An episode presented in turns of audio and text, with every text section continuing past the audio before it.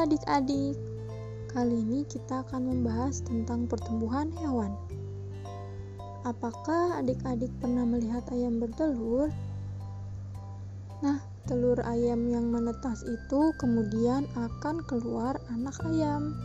Lalu, anak ayam akan tumbuh menjadi ayam dewasa. Ayam betina dewasa menghasilkan telur kembali, dan seterusnya. Ayam dan hewan lain juga mengalami pertumbuhan dan perkembangan. Apa saja sih yang mempengaruhi pertumbuhan hewan? Nah, agar adik-adik lebih paham, kakak akan membacakan teks pertumbuhan ayam. Selamat menyimak. Ayam merupakan salah satu makhluk hidup. Tubuh ayam berbulu dan memiliki dua kaki. Ayam memiliki paruh dan bernafas dengan paru-paru.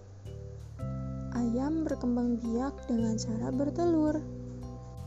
Ayam mengalami perubahan bentuk mulai dari telur sampai menjadi ayam dewasa. Setiap hari, ayam diberi makan dan minum sehingga ukuran tubuh ayam bertambah besar. Ayam mengalami pertumbuhan.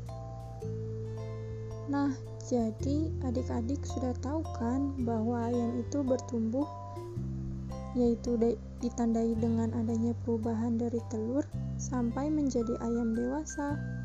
Jadi, yang mempengaruhi pertumbuhan hewan itu adalah makanan dan minuman adik-adik.